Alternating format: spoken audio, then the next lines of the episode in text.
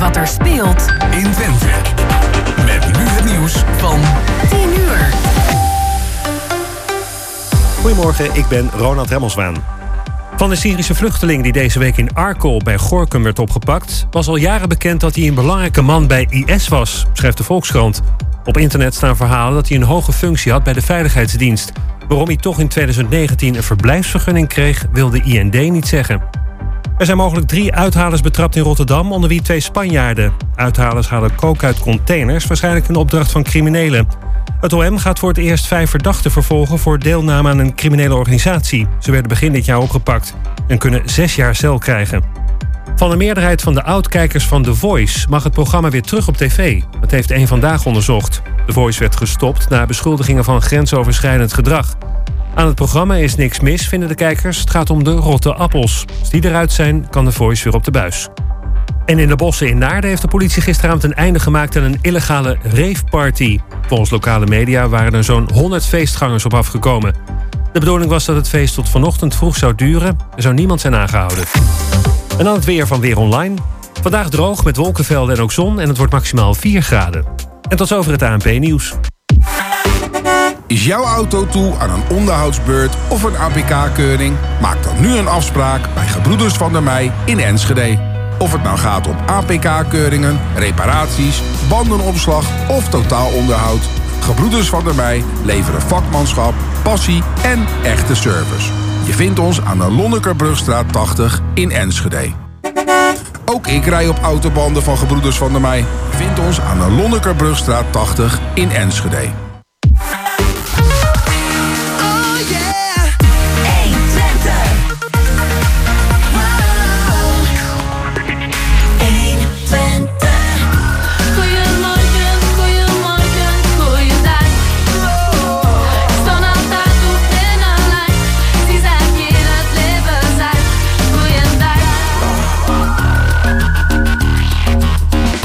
Zaterdag 21 december. Welkom bij Goedemorgen Hengelo. En we zitten weer met een vrij volle bezetting. En voordat ik het vergeet, laat ik eerst de namen even weer noemen. Ja, en voordat we helemaal vergeten, eh, Chris, ik heb een eh, quizvraagje aan jou. Welke maand van het jaar zitten we? Ik dacht dat ik zei 21 januari. Maar goed, januari. Maar, ja, nee, oké. En ik zei, Ik verstond december, klopt dat, Ja, ja, Jos? ja, zei ik december? Ja. Ja, maakt niet uit. Dat is toch ook wat? Nee, welkom bij Goedemorgen Hengelo van 21 januari 2023. En mijn eh, corrector, Jan-Dirk Belman, zit hier tegenover me. Jawel. Naast mij Jos Klazinski en achter de knoppen weer Gerbe Hilberink. Mijn naam is dus Chris van Pelt. Wat hebben we allemaal in de uitzending? Wie, mag, eh, wie doet de aftrap? Nou, om te beginnen hebben we Henk eh Kiewik. Hij is al eh, gearriveerd van de Hengeloze Revue. Aanstaande vrijdag is de eerste uitvoering van Hoge Nood. En wij gaan hem er straks eh, over spreken. Ja, en dan gaan we praten met een oud-collega van de radio, Sander Don. Hij is uitvaartbegeleider. En hij wil graag een aantal zaken onder de aandacht brengen... die te maken hebben met van op het moment dat het zover is... heb je dan alles geregeld. Ja, en dan hebben we iemand van coach 5, José Slepers. Of Schlepers, we moeten nog even kijken hoe we dat precies uitspreekt. Ehm, die heeft een heel interessant verhaal. Nou ja, haar werk is volgens mij haar hobby en haar passie. En ik ben heel benieuwd wat ze te vertellen heeft over coaching in het algemeen... en wat voor groepen er, er bij haar terecht kunnen. Eh, dat het eerste uur. Het tweede uur, eh, ja, dan hebben we vooral heel veel kunst. Hè? Maar misschien dat we dat later uitgebreid nog eh, op terugkomen. Ja, en dan een eh, ingelaste gast. Laten we het zo zeggen. We gaan aan het eind van het programma eh, contact zoeken met eh, Jaap Scholten. Want Jaap Scholten heeft een oproep aan een aantal mensen... die gewerkt hebben in de, de Twentse ja, industrie. Maar daarover later. Genoeg om te blijven luisteren. We beginnen met Petula Clark, Downtown.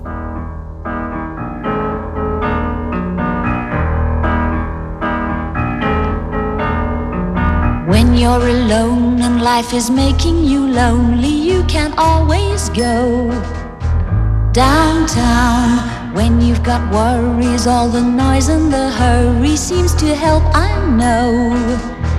Downtown, just listen to the music of the traffic in the city. Linger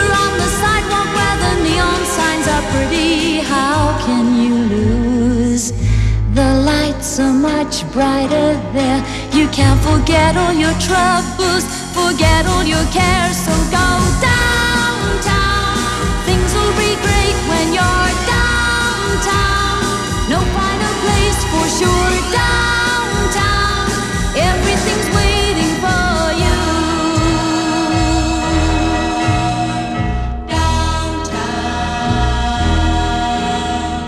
Don't hang around and let your problems surround you. There are movie shows downtown. Maybe you know some little places to go to where they never close. Downtown, just listen to the rhythm of a gentle bossa nova. You'll be dancing with them too before the night is over. Happy again. The lights are much brighter there. You can forget all your troubles, forget all your cares. So go downtown,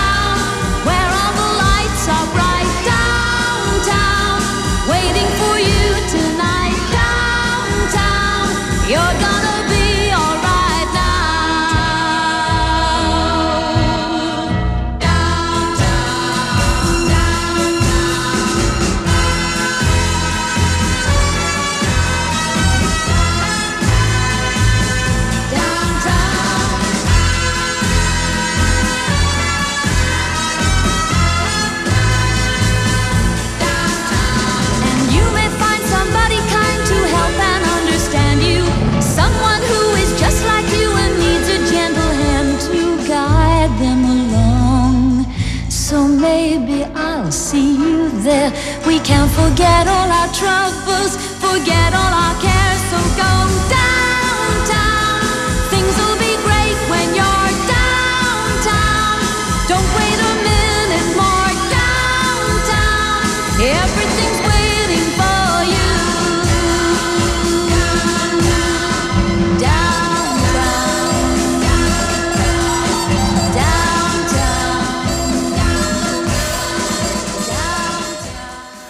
Gezellig nummer, Petula Clark en Downtown. Ja, en onze eerste gast, ik eh, zei het net al eventjes, is Henk Kiewik over de Hengeloze Revue. Welkom eh, in de studio, leuk dat je er bent. Ja, insgelijks. Leuk om hier weer te zitten. Ja, het is eh, inderdaad alweer, eh, denk ik, een poosje geleden. En ook de laatste voorstelling van de Hengeloze Revue is alweer een tijdje geleden, hè? Die was in eh, 2020 en die heette Foutje Bedankt. En Foutje Bedankt Ja. was net gespeeld en toen was het inderdaad Foutje Bedankt. Want toen ging het helemaal mis met de corona. Ja, en daardoor kon dus ook eh, twee jaar lang de geplande hoge nood eh, niet uitgevoerd worden. Maar nu het derde jaar, Nu eh, het derde jaar nog gaat hij 27 januari, dus volgende week vrijdag gaat hij vast uit. aanstaande vrijdag gaat hij van start. Nou, dan hebben jullie in ieder geval heel lang de tijd gehad om hem voor te bereiden. Zou je denken, inderdaad. Daar hebben we. We, hebben, eh, we hadden hem eh, in 2000, eh, eind 2021 hadden we al helemaal klaar. Maar ja, toen ging het dus niet door. En toen in 2022 eh, ging het dus weer niet door. En eh, nou ja, en nu hebben we, dan, eh, in, hebben we dan dit jaar opnieuw gerepeteerd vanaf september. Of het afgelopen jaar vanaf 1 september. En nu moet het dan beginnen. En iedereen heeft er natuurlijk ontzettend veel zin in. En staat te trappelen. Ja, nu zijn jullie helemaal klaar voor. En wat is jouw rol eh, eigenlijk zelf? En met rol bedoel ik niet speciaal rol in het stuk, maar eh, als eh, vrijwilliger? Als vrijwilliger, als, als hobbyist, als, eh, ja, mooi woord, acteur. Klinkt heel goed. Ehm, maar goed, ik mag op de planken staan, vind ik ook leuk om te doen. Maar daarnaast zit ik in het bestuur van Engeloze Revue en ik ben ook nog degene die de PR verzorgt. Ja. En vandaar dat ik hier zit. Aha, oké. dus een rol Duidelijk. als PR-man, maar ook een rol in eh, hoge nood. Ook, ook in ho- een rol in hoge nood. Alleen over, over mijn rol daarin, eh, omdat hij zo geheimzinnig is, kan ik daar eh, niet over uitweiden. Helemaal niks? niet een klein tipje niet- van de sluier? Ja, ja, ja Eh, draag je een hoed of... uiteindelijk, uiteindelijk breng ik de oplossing. Aha, en en ja, veel, daar- meer, veel meer kan ik er dus niet over zeggen. Nee, de Nee, plot hou moet het je spannend, sowieso niet gewoon, eh, nee. Ja, een beetje een geheimzinnig figuur. Zo, Oh, oké. goed. Als je dan maar niet te ge- geheimzinnig bent in de PR-rol, want dan schiet het ook niet Nee, op. Hè? nee dat, eh, eh, kunnen we naar... eh, ik heb toevallig vanochtend gekeken, 20 jaar revue. Lukt dat aardig. Dus tot of 22 jaar zit ik er al bij. Dus eh, ja, zo kun je ja, leuk nagaan. om te doen. Ja. Ehm, ja, wat ik net ook in het voorgesprek al eh, be- benieuwd naar was, wat ik eh, wou vragen. Eh, je hebt dan inderdaad lang de tijd gehad om te repeteren. Of je hebt gerepeteerd, stopgezet en opnieuw gerepeteerd. Dan denk je, nou, daar zit het er goed in. Maar hebben jullie nog iets veranderd aan het script? Hè? Bijvoorbeeld om een beetje bij te schaven naar de actualiteit of zo? Ja, de, de, de actualiteit niet. eh, omdat wij dus een, een, een stuk spelen. Kom nog iets dichter bij de microfoon. Omdat wij een Ja. stuk spelen wat al... ja, met, met een verhaallijn daarin. Het gaat niet specifiek over actuele gebeurtenissen. Het gaat ook niet over, eh, over Hengelo of omstreken. Ook niet over Twente. Maar een, een leuk verhaal, afgewisseld met, eh, met dans en met live muziek. Eh, En dat doen wij gewoon. Maar Ik wat er hoorde wel. Ja, sorry. wat er ja. wel veranderd is in die periode, is dat wij het nu al drie keer gerepeteerd hebben. Het hele stuk, in drie jaar lang. En dat onder leiding van Bertus Braam, onze regisseur, er eigenlijk wel nieuwe vondsten inkomen steeds. Hij wordt als het ware steeds beter. Eh, ja, vinden wij wel. Het wordt, er- komt wat meer humor in. Iemand heeft weer eh, iets, gehoord of gezien. Of, eh, nou, dat, dat kan er dan nog net in. Maar wat wel moeilijker was, dat was de muziekkeuzes. Bijvoorbeeld dat wij het, het- drie jaar geleden nog begonnen met een openingsnummer van Marco Borsato. Maar ja, die moest er dus helaas uit. De- mooie muziek, maar goed, dat, dat ging dus niet meer. Dus we hebben dan gekozen voor, voor andere muziek. Dus het orkest moet weer aan de slag. De, de, de, de choreografie moest aangepast worden. Dus zelfs de kleding van de dames moest aangepast worden. Dus dat wordt nu weer een ander verhaal. Ja. En, en dat, er is dus wel heel wat gebeurd in die drie jaar. Want we hebben eh, ja, toch wel wat voor de kiezer gehad. Eh, we hebben het met elkaar heel fijn gehouden. Omdat we dus een, ja, een, een, een warme club zijn. Een, een eigen mooi gebouw aan de Torenlaan hebben. En daar, eh, daar zitten we heel graag. Het is ook een grote club. Hè? Er zijn veel mensen bij betrokken. Ja, er zijn zo'n, eh, met, met deze productie zijn toch zo'n 60 mensen eh, bezig. En volgens mij ook behoorlijk intensief. Ja, intensief. Ja. Een, vooral een, eh, een, een groep decorbouwers, kledingnaaisters. eh nou, het bestuur met PR-dingetjes, maar een grote Ja. groep wel. Een, een, een andere groep, de dansdames, die, die komen dus dansen en die doen dat één avond in de week. De repetities. Ja, maar, de, maar de decorbouwers die zitten er elke dag. Ja. Maar ze doen meer dan dat. Hè. Ze maken ook voor, de, voor die in de binnenstad van Hengelo. Maken ze decors voor de, voor de bibliotheek hier. Eh, we willen straks misschien iets doen eh, op de markt met het evenementenbureau. Eh, de, Ah, markt verzorgen, omliggende gemeentes. eh, voorzien van kleding, Dickens Festival. eh, we hebben een groot kledingverhuurbedrijf daarboven. Er hangen 2000 kledingstukken. Zo. Dus dat zijn allemaal dingen die we doen. En onze decorploeg die is altijd bereid om mensen meer te helpen, meer te denken, om iets te maken. Nou, nou lees ik hier net ook dat de revue eh, 70 jaar bestaat en daarvan 68 keer gespeeld. Nou, die twee jaar die je mist, Ja. die zijn dus van de afgelopen twee jaar, neem ja, ik aan. dat zijn de afgelopen twee jaar geweest. Ja, en dan zie ik ook ja, de titel Hoge Nood. Ehm, daar hadden we het net nog niet over gehad. Maar ik zie dat het ook nog eh, min of meer slaat op de watersnoodramp van vij- eh, 1953. Nou, ja, kijk, eh, in 1953 is de Hengeloze Revue opgericht. Nou, En toen dachten we, hé ja, verrek, dat is ook eh, dat, dat, dat jaar, hè? Nee, daar heeft, daar heeft eh, de naam niks mee te maken. Hoge Oh, toch nood. niet? Nee, we Nee. hopen wel dat de mensen in de zaal van het lachen hoge nood krijgen. Dat wel. Ja, je kunt met hoge Dat- nood wel heel veel kanten op. ja, daarom. Ja, maar omdat die titel eh, dus net in die coronatijd eh, bepaald is... Want dan komt er een voorstel, welke, welke pakken we? Nou, en toen dacht ik van, met, met een hoop anderen van ja, daar moet deze worden. Want daar kunnen we wat verschillende kanten mee op. Daar kun je verschillende Ja, ja, kanten mee op. En het, eh, het schrijven van de teksten, is dat ook door jullie zelf gedaan? Ja, dat is eh, Rita van Veen, onze eh, voorzitter, die, eh, die, die, die schrijft de teksten. Dus die was eh, met de laatste repetitie deze week al bezig om te informeren van jongens, wie doet volgend jaar allemaal weer mee? Want Ja. dan moet ik weten van eh, hoeveel personages moet ik erin schrijven. Ja, maar dat lijkt me een hele klus. Ja. Doet ze dat in samenspraak met een aantal mensen? Of gaat ze dat gewoon zelf helemaal bedenken? Ja, er zijn natuurlijk in de handel wel wat, wat, wat toneelstukken. Er zijn stukken die herschreven worden naar revues. Er moet muziek bij gezegd worden, er moet zang bij gezocht worden. Ehm, daarbij hoort weer de choreografie. Ehm, er zit een, een, een team, een artistiek team, waar een aantal van die mensen in zitten. Er zit ook bijvoorbeeld de hoofdontwerpster van de kleding in. Er Oh, ja. eh, de orkestleider zit daarin. En dat zijn de mensen die dus samen die, die revue vormen. En die dan eh, de stukken aan elkaar plakken. Onder leiding dus van Bertus Braam, de regisseur. Ja, precies. Ja, dus een hele creatieve club Het eigenlijk. is een hele creatieve club. Ja. Jeetje. En dat gaat allemaal gebeuren. Nou, in ieder geval aanstaande vrijdag, de 27e. Maar dan ook 28 januari, 29 januari, 1, 2 en 3 februari. Dat klopt, ja. En eh, alles s s'avonds, behalve dan die zondag. De 29e, dan spelen we 's middags vanaf twee uur. Ja. Oh, misschien nog handig om te noemen. Ehm, er zijn mensen die hebben dus in voor 2021 al kaartjes gekocht. En die kaartjes zijn in principe nog geldig. Ja, die kaartjes zijn hetzelfde. De, de, de dag, de datum is anders. Maar ze moeten gewoon kijken naar de dag. Dus het kaartje van woensdag is op woensdag geldig. Het kaartje van zaterdag vorig jaar is dus nu op zaterdag geldig. Dus dat blijft. Oh, op die manier werkt het. Ja. Het is gewoon in de Schouwburg in Hengelo. Het is in de Schouwburg Hengelo. Er zijn ook nog steeds kaarten verkrijgbaar. En via de website van de Schouwburg kun je daar eh, Ja, terecht. ja, en ze kunnen nog meer eh, informatie afhalen van de website van de Hengeloze Revue. Dat is hengeloserevue.nl. Oké, nou dat is in ieder geval eh, wel heel mooi duidelijk. Er is heel hard aan gewerkt. Er staat een heel groot toneelstuk, nee, revue aan te komen. Ja, hij is extra lang. We hebben, we hebben Oh. ja, de, ik moest van de regisseur wel in het programmaboekje schrijven dat het iets langer duurt dan normaal. Oké. En dat zal wel eh, misschien een tien minuten een kwartiertje kunnen zijn.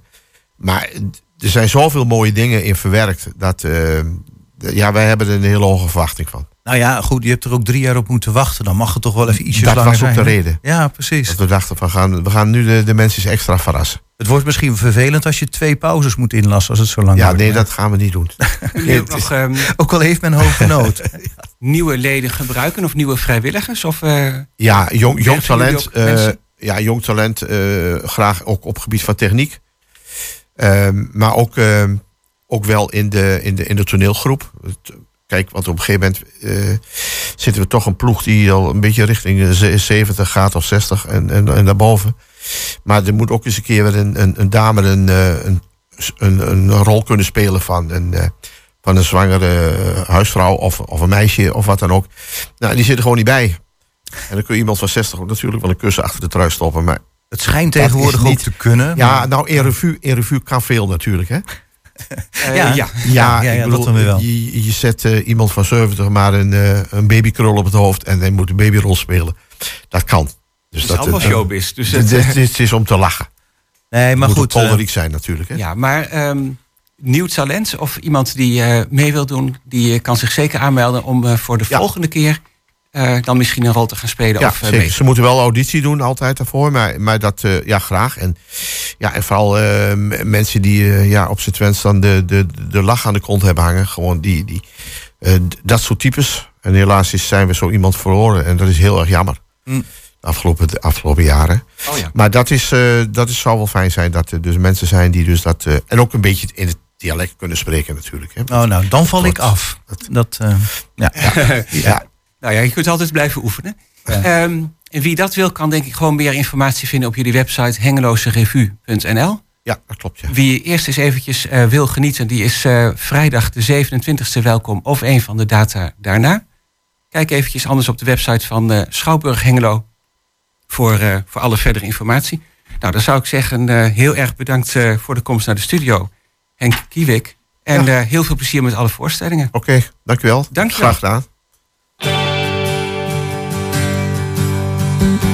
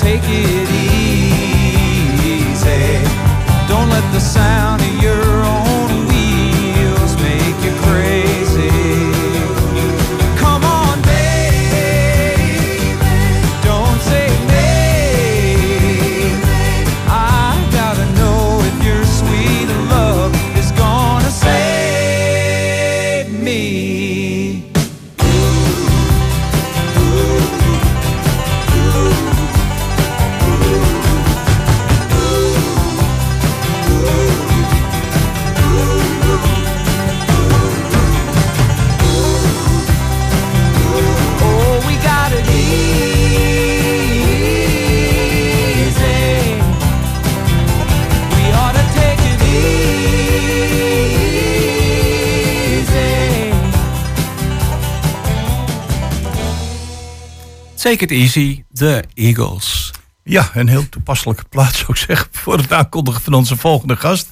Oud-collega van de omroep, eh, bevlogen eh, stadionspeaker en verslaggever, maar nu zitten in een heel andere hoedanigheid tegenover ons Sander Dol. Sander, goedemorgen en welkom bij het programma. Ja, dankjewel. Ja. Goedemorgen. Goedemorgen. Sander, je hebt ons een tijd eh, geleden een bericht gestuurd dat eh, mensen eigenlijk eh, niet bezig zijn als het gaat om het overlijden met een aantal eh, essentiële zaken. En Ja. jij bent eh, en je zit in, zeg maar, in de verzekeringsbranche, maar je bent daarnaast ook uitvaartbegeleider en eh, dat, of uitvaartverzorger, hoe je het ook noemen wilt. En dan kom je een aantal zaken tegen waarvan je zegt, als daar hadden mensen eigenlijk aan moeten denken. Maar misschien is het wel logisch dat ze op het moment dat ze nog in leven zijn er niet aan denken. Ja, nee hoor. Ja, want ja, het is niet iets waarvan je denkt, nou laten we nou eens even gezellig met mijn vrouw of mijn Nee, partner aan nee. tafel gaan zitten. En het hebben over van als het zover is, eh, hoe moeten we dat gaan aanpakken? Als het een mooie zonnige dag is, snap ik wel dat je daar niet aan denkt. Nee. Nee, nee, Ik bedoel, eh, ik, ik kan me andere dingen voorstellen. En toch is het heel belangrijk. Eh, Want op het moment dat het moment daar is, dan worden misschien wel overhaaste beslissingen genomen. Waarvan je achteraf spijt hebt. Ja, de eerste 24 uur na overlijden worden doorgaans de meeste keuzes gemaakt. Hè. Denk Ja. aan eh, cremeren, begraven, eh, welke kist. eh, willen we nog een catering, thuisopbaring of wat, wat, wat moeten we allemaal doen? De kaart moet nog gemaakt worden. Dat zijn allemaal keuzes die je in de eerste 24 uur van het overlijden moet maken. Ja, En dat is dan het, het, het technische aspect van, van de uitvaart. Hè. Dus, dus dat zou je eigenlijk al veel eerder kunnen doen. Ik snap ook best dat je als 32-jarige niet zegt van nou ik ga tot in detail regelen. Maar ik kom ook wel in de gesprekken die ik voer met klanten, kom ik ook wel hele schrijnende gevallen tegen. Waarbij ik aan de, aan de partner vraag van, van wat wil zij of hij. En dan, en dan noemt, noemen ze bijvoorbeeld cremeren, terwijl het dan begraven moet zijn. weet Ja, ja. Dus dan denk ik van ja, ken elkaar wel. Ehm, en in zo'n situatie denk ik van, nou, zullen we nou gewoon eens een simpele blauwdruk gaan maken, waarin we gewoon eens aangeven van, nou, wat zijn nou de, de, de, de, de, eerste wensen Mm, bij overlijden? En, en dat kan dan tot, tot zeer gedetailleerd worden gedaan. Hè? Ik kan me voorstellen als je richting de 70, 80 gaat, dat je Ja. iets gedetailleerder ingevuld wil hebben. Maar wat, je, wat we ook wel merken, dat bij jonge mensen, dat er best wel interesse is, maar van waar begin ik? En dat is heel simpel. Eh, bel gewoon op. Eh, in, in een uur kun je eigenlijk eh, alles geregeld hebben wat Ja. betreft eh, de logistiek. Hoe je het, eh, als het morgen zou zijn gebeurd, Ja. hoe je het dan wil hebben. En bel gewoon op, bedoel je? Dat is jouw werk? eh, Ja, bel op of, of, of, zoek, of neem contact op met een uitvaartleider of bel ons op. Ehm, dan, kun je, dan kun je eigenlijk gewoon die dingen laten vastleggen door ons. Wij administreren het en houden het bij. Ehm, en, en hoe gedetailleerd jij dat wil hebben, ja prima. Eh, ik heb alle middelen aanwezig, boekjes, folders, eh, prijslijsten. We kunnen, eh, want dat is dan een gevolg daarvan. Dan kun je gewoon eens kijken van ja, wat, wat, wat gaat mijn wens dan in principe kosten. Ehm, en, en dan leggen Ja. we dat naast een al aanwezige verzekering. Ja, en dan kom je er misschien wel achter dat je bijvoorbeeld een, een Natura-dekking hebt. En dan vragen heel veel mensen, ja, wat is dat? Want dat is ooit een keer door vader afgesloten. Of Ja, ja. misschien wel door opa. Ja, en dan pak je eens die polis erbij. En dan ga je de mensen uitleggen dat je, dat je bij Natura toch voornamelijk vastzit aan een maatschappij. ehm, die de Natura-dekking aanbiedt. Maar als je daarvan af wil wijken, ja, dan moet er al wel weer bijbetaald worden. Eh, en in Natura is ook niet altijd dekkend. Daar moet ook gewoon weer geld bij. En als je echt naar jouw eigen uitvaart eh, helemaal naar hand wil zetten, ja, dan zul je misschien een andere verzekering moeten hebben. Bijvoorbeeld. Ja. Nou, en dat zijn dingen, als je daar op je dertigste achter komt, is het natuurlijk wel wat prettiger dan wanneer je daar op je zestigste achter komt. Ja. Maar is het dan zo dat de, de verzekeringsagent Sander Dol losstaat van het advies wat je mensen kunt geven of de blauwdruk die je mensen kunt Ja. geven? Dus het is niet zo van eh, Pietje belt je op en zegt van eh, meneer u bent geen klant bij mij, u heeft ook geen verzekering bij mij en ik wens u het allerbeste in de toekomst. Ja, zou, eh, het zou een heel slecht antwoord op Ja, een examen nee. zijn. Ja, dus dat gaan we niet doen. Eh, nee, het zijn twee echt aparte werelden die natuurlijk wel raakvlakken hebben. Want Ja. op het moment dat je hebt geïnventariseerd, moet er geld bij. Dus dat is dan wel weer de verzekeringskant. Vaak. Hoeft natuurlijk niet, kan ook eigen geld zijn als dat te voldoende is. Eh, dus i- helemaal los van elkaar kun je het niet zien. Maar op het moment dat ik als uitvaartleider eh, op stap ben, ja, dan denk ik niet aan mijn eigen assurantiekantoor. Nee, want als iemand gewoon goed verzekerd is bij een collega van mij, eh, dan is dat ook goed. Het gaat erom dat je op dat moment daar bent voor de uitvaart. Dat is één. Ehm, en wat we heel vaak merken is dat eh, mensen die wel het slechte nieuws van de dokter te horen hebben gekregen. eh, u bent uitbehandeld en u heeft nog drie maanden. ehm, dan zijn ze natuurlijk de eerste dagen daar compleet van van de kaart. En daarna gaan ze bezig met het, nou ja, dan maar regelen van de uitvaart. Want ik heb nog maar drie maanden. Ja. Ehm, en wat we dan merken aan tafel is dat ze zeggen: ja, nee, we hebben al een kist uitgekozen, we hebben al een kaart, en we hebben eh, eh, crematie willen we, en we willen een catering achteraf. Dat, dat, dat, dat hebben we allemaal al geregeld. En dan vraag je eens verder van hoe zit het dan met je euthanasieverklaring? Als het onverhoopt toch in een periode terechtkomt dat je bijvoorbeeld in een coma raakt. Of Ja, dat je. ja. Dan dan zitten ze me eens aan te kijken en dan zeggen ze, ja, euthanasieverklaring, er nooit van gehoord. Of ja, die heb ik al in, in, in, in de jaren negentig al een keer gemaakt. Ehm, of je komt in een samengesteld gezin. Ja. Waarbij de man of de vrouw het bericht heeft gekregen van, nou, u bent, u bent uitbehandeld, u heeft nog drie maanden te gaan. Maar die man heeft geen contact meer met zijn kinderen vanuit het vorige huwelijk. Maar er is wettelijk niks geregeld. Dus geen testament. Ehm, misschien al op leeftijd, dus al een woning waar heel veel vermogen in zit. Nou, dan ga je wel met die mensen eens om de tafel van, joh, hoe zit het dan met je testament? Want je hebt wel een nalatenschap straks, ook voor de kinderen, waar je bijvoorbeeld geen contact meer mee hebt. Ja, en dan gaan mensen wel eens nadenken van, misschien moet ik dan toch eens even wat verder kijken dan alleen mijn uitvaart. Want eh, kijk, het woord testament alleen al wordt direct gekoppeld aan overlijden. Ja. En ik kan me ook voorstellen dat mensen denken, oeh jee, wat eng dat woord, een testament. En Ja. ik ben nog maar 45. Ja, maar het is altijd eerst. Het, het woord testament klinkt vrij zwaar. Ehm, maar op het moment dat je uit gaat leggen waarvoor het dan is, dan, dan zijn de mensen vaak wel heel erg dankbaar. Want het kan ook heel veel geld besparen.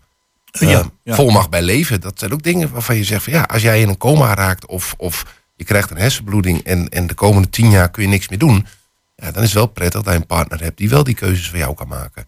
Dus in het voortraject pak ik als uitvaartleider, pak ik gewoon ehm, dat traject als eerste op.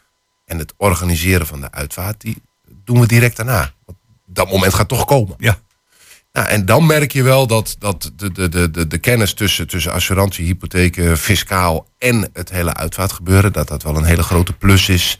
eh, ten opzichte van of een uitvaartleider of inderdaad een, een assurantie tussenpersoon. Ja. Ja, ik kan me voorstellen dat je daar wel gemak van hebt, dat je dat kunt combineren. Ja. Nou lijken de gesprekken die je net noemde, en dat lijken me best eigenlijk hele moeilijke gesprekken om te starten met mensen die zitten misschien ook al in een hele moeilijke situatie. Maar niet altijd, want je kunt dus ook bij voorbaat al wel zo'n gesprek aangaan. Ehm, hoe vind je dat zelf? Doe je dit al lang als werk? Hoe ben je daar dan zo ingekomen? Ja, nou ja, het assurantievak vanaf 1994. Ehm, uitvaartverzekeringen ook al vanaf dat moment. Dus als je praat over de uitvaartverzekering, dan merk je dat mensen al een beetje jolig worden van ehm, eh, wat, wat, wat zou ik dan willen. Ehm, en ja, het klinkt heel gek, maar van die joligheid kun je ook gebruik maken om vanuit de joligheid naar de wat meer serieuzere kant te gaan. Dus Ja, je moet zo'n gesprek ergens beginnen natuurlijk. Zet je, zet je in op een, eh, op, een, eh, op, een, eh, op een zeer zwaar onderwerp als een testament of, of een uitvaartverzekering aan zich, ja, dan slaan mensen wel vaak dicht. Maar op het moment dat ik ze aangeef van stel dat het gisteren was gebeurd, ehm, wat, wat heb je dan al klaar en wat is er georganiseerd? En dan gaan ze vaak nadenken. Nou, en tussen aanhalingstekens, dat is dan wel een moment om gewoon eens te zeggen, zullen we dat gewoon eens in kaart gaan brengen dan nu. Want jullie zijn er beide nog, jullie zijn beide nog gezond. Eh, Dus laten we dit nu voor eens en voor altijd eens even oppakken.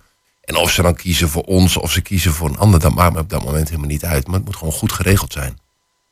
Ja, dus eigenlijk vanuit de verzekeringskant eh, ben je de uitvaartleidersrol ook op je gaan nemen? Ja, voor de bestaande klanten. Want we krijgen ook heel vaak te horen van ja, jij, jij, jij kent ons. Eh, wij waren al verzekerd bij jouw vader en, en nu bij jou. Ja. Ehm, wat van belang is, is dat je ook wel een, een klik hebt met je, met je klant. Je moet, je moet wel, het, het verdriet van die klant is natuurlijk niet mijn verdriet. Maar ik moet, ik moet het wel heel goed aan kunnen voelen. Ehm, Dat lijkt mij ook. Ja. Sommige mensen willen helemaal niet, niet, niet spreken of, of slaan helemaal dicht van verdriet. Ja, en op het moment dat je dan de overledene heel goed kent, omdat hij al 30 jaar bij je is verzekerd, ja, dan kun je daar wel een verhaal mee maken in combinatie met de rest van de familie. Om dat dus te brengen op een, op een, op een uitvaart. Ehm, ik merk ook vaak dat bij overlijden, dat ze dan zeggen van ja, ja ik moet een uitvaartleider bellen. Pff, eens even kijken op de polis. Oh, ik ben daar en daar verzekerd. Nou, dan bel ik die maar. Ja, dan moet er wel een klik zijn met die man of vrouw die Ja. bij jou binnenkomt. En dan, ze zijn over het algemeen allemaal vriendelijk. Ehm, maar heb je daar wel een klik mee? Wordt er wel geluisterd naar, naar jou als persoon? Of wordt er wel gehandeld in de geest van de overledene? Ja, dat. En ook ehm, ehm, overvalt het je dus op dat moment of ben je al voorbereid? Want jij zei het is wel goed om alvast voorbereid te zijn Ja. met een aantal zaken misschien vast te leggen. Ja, maar heel veel mensen zijn het niet. En, en wat zijn dan zo eventjes, nou zeg maar vijf of tien punten waarvan je zegt, daar zou ik het zeker eens over hebben. Je noemde al eh, begraven of cremeren Ja. bijvoorbeeld. Eh, dat, dat kan zijn, eh, moet het een groot gezelschap zijn, de keus van de kist. Mm. wil je graag thuis opgebaard worden? Of wil je bijvoorbeeld een 24-uurskamer waar jouw eh dierbaren bij kunnen?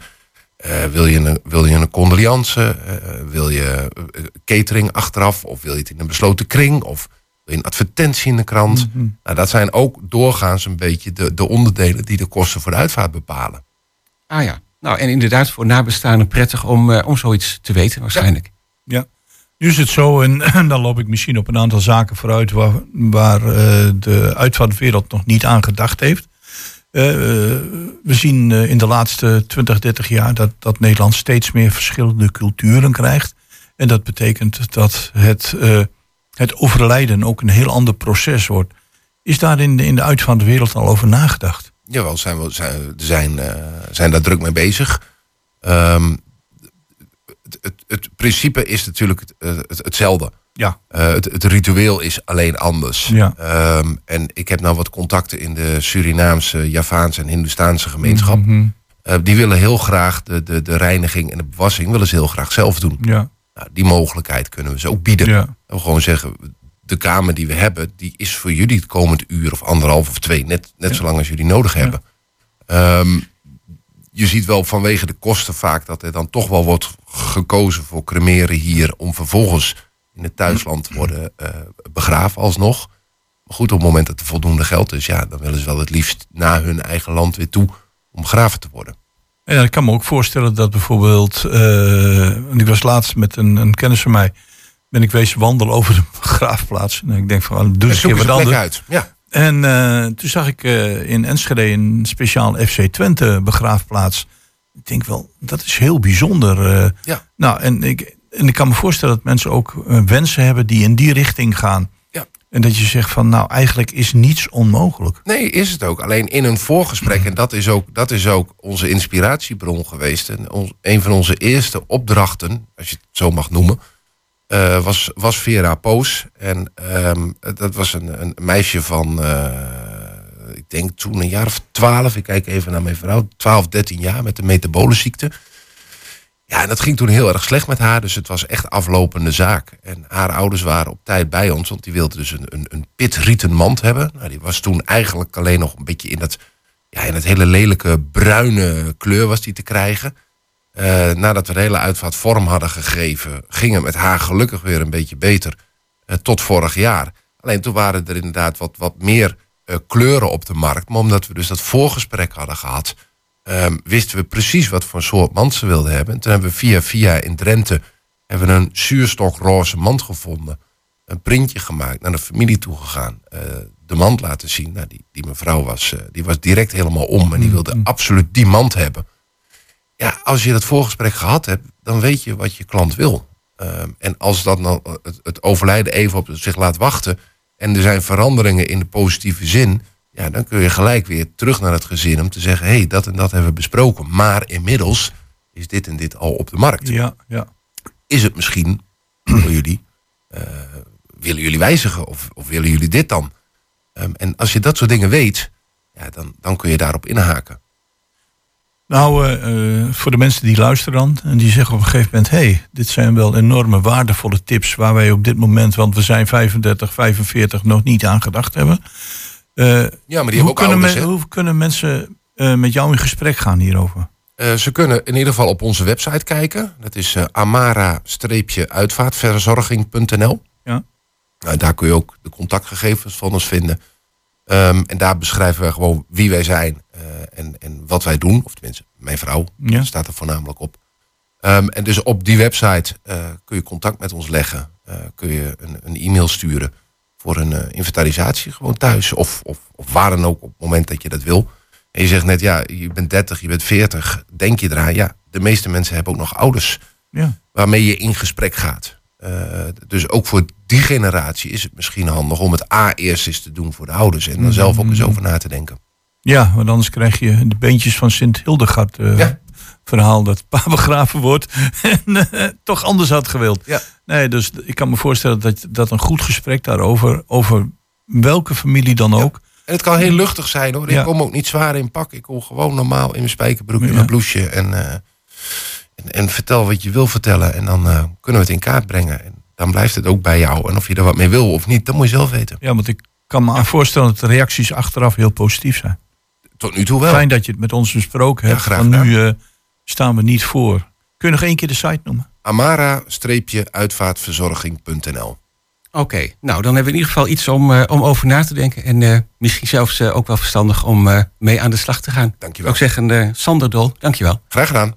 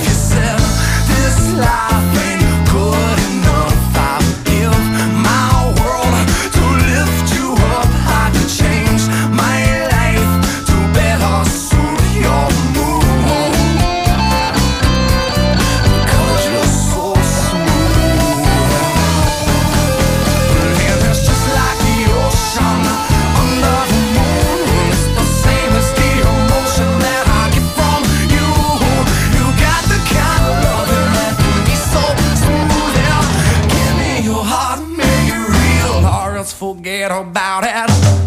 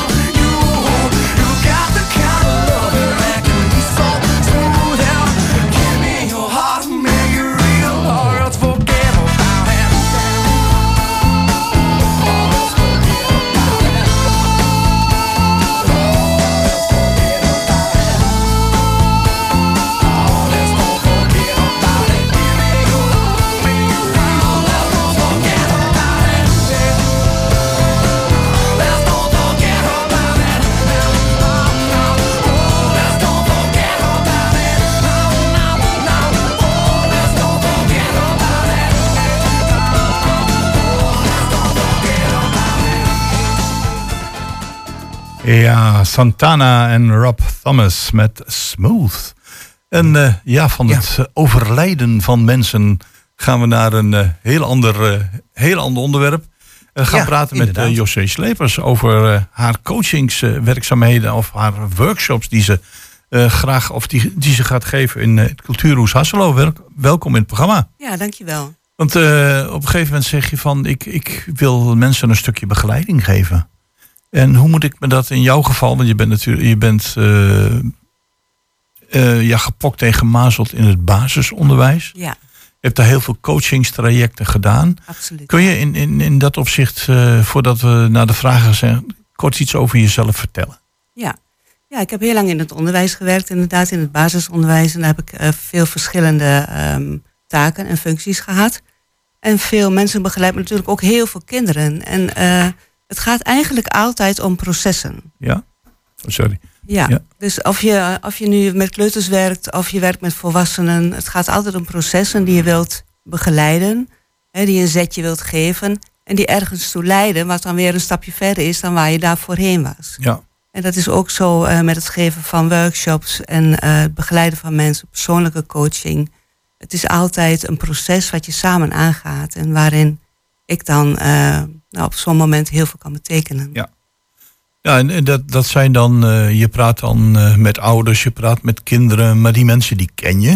En die zeggen van, ik ken je vanuit mijn werk, ik ken je vanuit mijn school, ik ken je vanuit mijn onderwijsinstelling. Dus dan is er eigenlijk al een, een, een vorm van contact.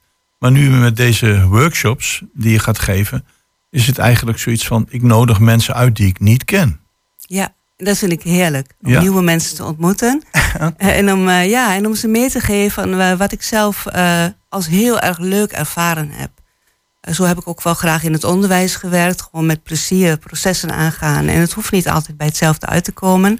Eh, Tenzij je het natuurlijk hebt over spelling of rekenen. Dat, is, hè, dat staat vast. Maar verder om richting te geven. En ehm, daarin maar te kijken van ja, welke kant ga je daarin op? En die workshops die zijn heel erg gericht op ehm, doe maar. Doe het maar gewoon. Ik heb zelf gemerkt, ehm, toen ik eh, bijvoorbeeld aan het schilderen was, ik heb een aantal schilderlessen gevolgd. Oh. En dat wilde ik thuis, wilde ik dat heel graag eh, voortzetten. Maar op een gegeven moment ontdekte ik dat ik eigenlijk die bloem of dat dier wat ik misschien wel wilde schilderen er helemaal niet op kreeg. En dan eh, laat je het erbij zitten. Maar er ontstond een behoefte om toch met die verf en het papier bezig te zijn. En toen ben ik eigenlijk maar gewoon kleuren gaan mengen. En ik heb eens een keer een kaasschaaf gepakt eh, om het papier ruw te maken. En eens kijken wat doet dat dan met de verf. En eh, juist dat proces van gewoon maar doen en kijken waar het uitkomt. En het hoeft niets te worden. Dat vond ik zelf, eh, dat voelde als een bevrijding. En ja, zo zit ik eigenlijk ook met de les improvisatie. Ik eh, ben eh, zelf op improvisatie eh, les, improvisatie theater. Daar krijg je, je krijgt daar ehm, wel opdrachten en je krijgt woorden. En, maar uiteindelijk, wat het wordt, dat weet je van tevoren niet. En dat geeft heel veel vrijheid van doen. Ja, Ja, of- ga je ja. gang. Nee, maar als je dat dan weer toepast op coaching, als, je dan, als er iemand bij je komt en die, die heeft een probleem of wat dan ook, eh, dan lijkt het me niet handig om meteen eh, zeg maar in die hoek te gaan zitten van nou, we gaan eens wat proberen en kijken waar het uitkomt. Dat, Nee. eh, daar krijg je geen klanten mee, lijkt Nee, me. bij persoonlijke coaching werkt dat ook niet. Ehm, Mijn naam is ook coach 5. En dat houdt in dat ik vijf stappen doorloop om mensen te brengen daar waar ze willen zijn. Oké. En ehm, die vijf stappen die zijn vanuit de theorie U. Dat is eigenlijk een U-model, wat bovenaan eh, aan de linkerkant bij het pootje van de U begint. En daar ga je kijken, ehm, ja, de U en met twee pootjes hè, omhoog.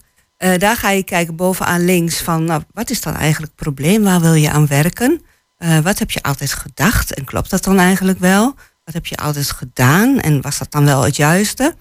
En dan ga je een stapje naar beneden op die poot. En dan ga je kijken van oké, als dit het dan niet was, maar wat zou het dan wel kunnen zijn? Ja. En dan ga je helemaal beneden naar de U. En dat is dan de derde stap. En dan ga je eens uitkristalliseren van oké, ehm, ja, hoe moet ik dan verder? Wat zijn de ideeën? Eh, wat zijn de mogelijkheden? En dan in de stap weer omhoog op de rechterpoot. Ja, dan ga je kijken van oké, ik ga eens wat uitproberen. Ik ga eens kijken van hoe dat werkt voor mij. eh, als ik mij anders ga gedragen. Of als ik hè, met deze nieuwe gedachten het leven weer instap. Ehm, en dan uiteindelijk kom je dan weer bij het eh, rechterpootje bovenaan. En dan ga je daarmee eh, je leven weer verder oppakken. Ja, maar ik, ik, ik hoor een paar eh, zaken. Je zegt van, ik moet iets weer gaan oppakken. Dat betekent dat je tijdelijk uit de running eh, geweest kunt zijn... door een burn-out of door een andere vervelende situatie. Dat is één. Ik hoor je ook zeggen van, eh, ja, ik, ik, ik heb vrije tijd. wat zou ik daarmee kunnen doen? Eh, want ik wil, ja, ik, wil, ik wil niet achter de geranium zitten. Kun je me op weg helpen? Dat zijn twee dingen. En dan één ding wat, wat mezelf heel erg bezighoudt. Weten mensen van zichzelf eigenlijk wel wat ze willen? Want dat hangt er een beetje boven van. Ja, eh, ik zou het niet weten. Ik, ik heb, ben vroeger dat en dat gedaan. Ja. En ik heb er nooit bij stilgestaan. Laatst hadden we iemand hier van Vliegende Stoel. En die, die, die, die zegt ook van... mensen hebben vaak meer talenten waar ze eigenlijk niks mee doen. Dus ik weet, het zijn een heleboel vragen, José, maar... Ja, ja. ehm, Nou, ik kan daar wel wat over zeggen. Ja. Want ik heb heel veel materialen. Dat creatieve wat ik in die workshops gebruik, gebruik ik ook tijdens de persoonlijke coaching. Dus ik heb heel veel materialen. Ik heb letters, ik heb afbeeldingen, ik heb ook verf en, en knutselmaterialen. ehm, die je dan vanuit verschillende perspectieven weer kunt gaan bekijken op het moment dat je dat opgebouwd hebt. Ehm, maar ehm, ik kan één voorbeeld noemen. Ik heb een, eh, een mevrouw gehad en die eh, wist wel dat ze haar werk niet meer zo leuk vond. Maar eigenlijk niet wat het dan moest worden. Ja. En eh, toen heb ik gezegd, nou kijk, ik heb hier heel veel beeldmateriaal. En kijk maar eens wat jij, wat jij denkt dat bij jou past. Ja, Nou, wat je en- aanspreekt, qua kleuren of foto's? Of? Ja, foto's met Ja. name. En ehm, ik had er één foto bij gedaan van een gebouw, waarvan, omdat ik dacht, zij wil terug naar de universiteit. Daar gaat ze gewoon verder studeren. Ah. Maar uiteindelijk, eh, dat was gewoon een aanname natuurlijk. Hè? En, eh, maar uiteindelijk heeft zij eh, het plaatje inderdaad gekozen. En ze zei van, ik weet het nu, ik wil heel graag directeur worden van een basisschool. En ik moet zeggen, binnen de kortste tijd had ze gesolliciteerd en heeft ze een baan gekregen. En, eh, dus dat was een heel succesvol eh, Jee, traject. wat- En dat was eigenlijk heel kort. We zijn helemaal niet zo vaak bij elkaar geweest. Hm, nee. Om, eh, maar dus dat kan zo op die manier ontstaan. Maar je kunt ook met hele andere levensvragen zitten natuurlijk. Waarbij het allemaal wat ingewikkelder is om het uit te zoeken. Ja. Maar juist dat materialen, het schrijven, het tekenen... en met elkaar in gesprek, maar ook het wandelen. Eh, ik kijk eigenlijk steeds op het moment wat nodig is... om een stap verder te komen. Ja, soms heb je maar een klein zetje nodig blijkbaar. Ja, en soms zit Ja. het wat dieper. En soms zit het wat een dieper. hele lange U. Zo, die wat, eh, Soms wat komt het dan ook van heel ver, vanuit je jeugd. Of, Ja. Ja, nu eh, heb jij via het weekblad zeg maar een, een, een oproep gedaan of een, iets geplaatst dat je eh, binnenkort een aantal workshops geeft in, eh, in Hengelo. Je, je- ze willen een zinvolle bijdrage leveren aan het leven van een ander. Ik vind dat Ja. zo mooi, hè? Veel mensen zijn prestatiemoe. Eh dat prestatiemoe, kun je dat ook nog even toelichten? Ja, ehm, als je een cursus volgt of, of je bent op je werk, het Ja. maakt eigenlijk niet zo heel veel uit. Dan wordt het toch wel vaak verwacht dat, dat, er, een, dat er iets uitkomt. Dat je met iets naar huis kunt bijvoorbeeld. En, eh, en dat vind ik jammer, want het houdt vaak de processen tegen. Want dan ben je zo gericht op wat het moet worden. Eh, terwijl ik heel erg eh, procesmatig wil werken. Ja. En ik, heb, ja, ik vind het zelf heel erg plezierig. En dan ehm, kun je veel meer je creatieve, eh, creativiteit gebruiken eh, Mhm. om verder te komen. En om je eigen weg daarin te gaan. En niet het voorbeeldje te volgen van degene die die workshop geeft. Of, Ja. of de les geeft. Ja, dus, dus geen getuigschrift, diploma of wat dan ook van, oh, ik moet weer. eh, nee. precies. Of een We gaan collage van de foto's die je gekozen hebt. Hè, dan heb je ook een, eh, iets concreets. Ja, het kan. Ja, dat kan. Maar eh, wat ik heel mooi vind, ook aan fotograferen bijvoorbeeld, is ga eens op de grond liggen. En kijk eens, wat zie je daar allemaal? Hè? Of, of fotograferen is de hakken van de schoenen van iemand anders. Hè? Eh, of ga eens op een hele andere manier zitten om jezelf te laten fotograferen. Ja. Ja, Dus, precies. eh, Dan dwing je mensen om echt op een, van een ander perspectief te kijken. Van, ja, Out of van- the box. ja, precies. Ja. Out of the box. En dat geeft zoveel vrijheid. Waar ik nog eigenlijk nieuwsgierig naar ben, hè, je komt dan uit het onderwijs. eh, dan ben je met kleine kinderen bezig tot een jaar of 10, 12. Ja. En eh, op een gegeven moment dacht je dus blijkbaar van nou, ik wil dus ook ouderen gaan begeleiden of coachen. Eh, hoe, hoe is dat zo gekomen? Hoe ben jij daarachter gekomen? Ik ben locatiedirecteur geweest van een basisschool. Mhm. En ehm, natuurlijk, dan heb je functioneringsgesprekken en je volgt trainingen met je team. Maar ik heb ook zelf trainingen opgezet, workshops opgezet voor ehm, ook meerdere scholen tegelijk.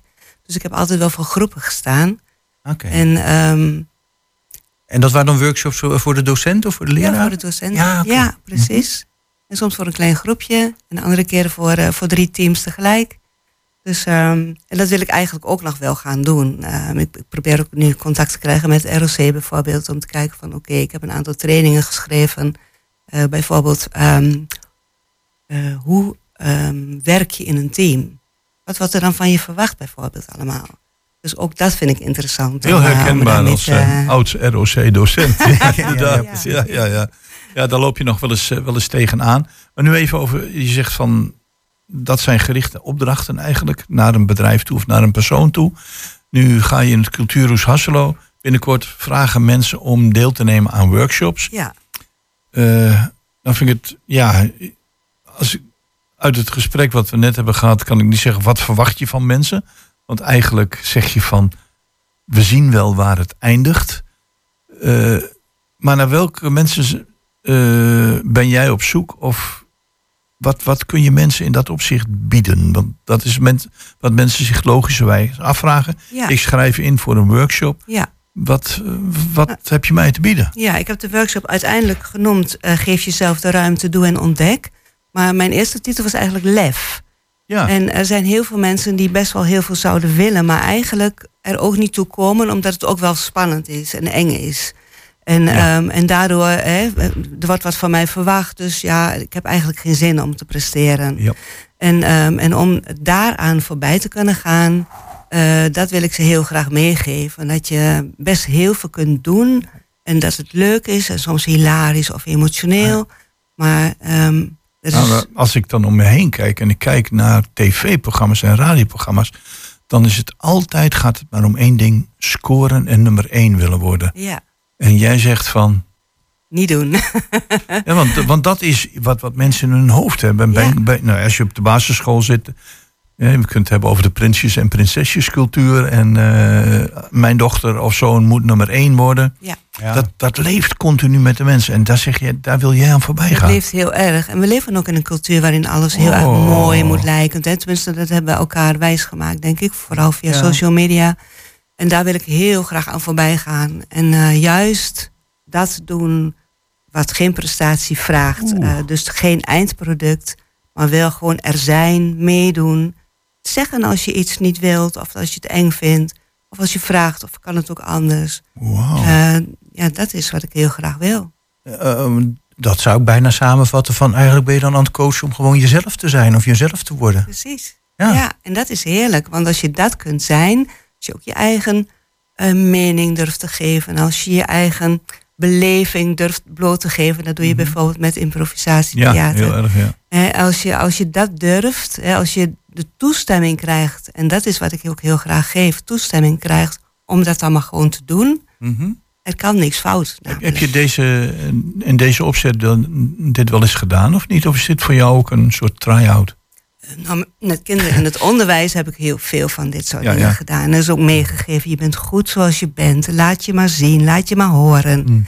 En eh, ik denk dat heel veel volwassenen het ook goed kunnen gebruiken... en daar ook heel veel plezier uit kunnen halen. Nou, dat wil je nog wel eens vergeten, zo in de waan van de dag. Ja, Ja. ja. zeker. Ja, absoluut. Ja, En, want ja. dat, dat is wat mij mm, bijstaat. eh, het, het, het presteren. Oh, ik moet er zijn. En oh, dit en dat. Terwijl Ja. het eigenlijk eh, het met beide benen op de grond staan een, een ontzettend fijn gevoel is. Ja. Maar niet iedereen kan zich dat gevoel meester maken. Nee, nou, dat hoop ik dat ik daartoe Ja. kan bijdragen. En ik- wat ik ook mooi vind is als mensen in hun oudste kleding komen... dat we ook met improvisatie op de grond kunnen liggen... en dat we met eh, verf niet hoeven te kijken van... eh, spet het het of Ja. spet het het niet. Nee. Heb je geen schotjes? ik heb geen schotjes. Oké. Dus Nee, gewoon jezelf zijn, dat is het mooiste. En eh, een, een heel erg Nederlandse vraag. eh, ja, ze doen mee aan die workshops. Ik, ik denk dat mensen dat moeten doen, maar moeten ze daar ook iets voor neerleggen, voor betalen? Het, het zijn dus Echt drie een- workshops die bij elkaar horen. Dus je geeft je op voor drie workshops die ook steeds op drie opeenvolgende Ja. data eh, zijn. En het kost 45 euro inclusief de materialen Voor deze drie workshops. voor deze drie workshops. Dat noem ik een voor de oorlogsbedrag eigenlijk. Ja, ik heb ook een 15 euro per avond, toch? Ja, Ja. maar dat heb ik heel bewust gedaan, omdat ik heel graag wil dat veel mensen kunnen deelnemen. Ja. Ja, dat het, Dus eh, die- groep kan groot is. zijn? De groep, eh, maximaal 12 per keer. Oké, ja. En ehm, ik heb eh, in totaal, wordt deze workshops, de- deze reeks van workshops, wordt vijf keer gegeven. Dus in de Cultuurhuis Hasselo, in de Slangenbeek en in de Sterrentuin.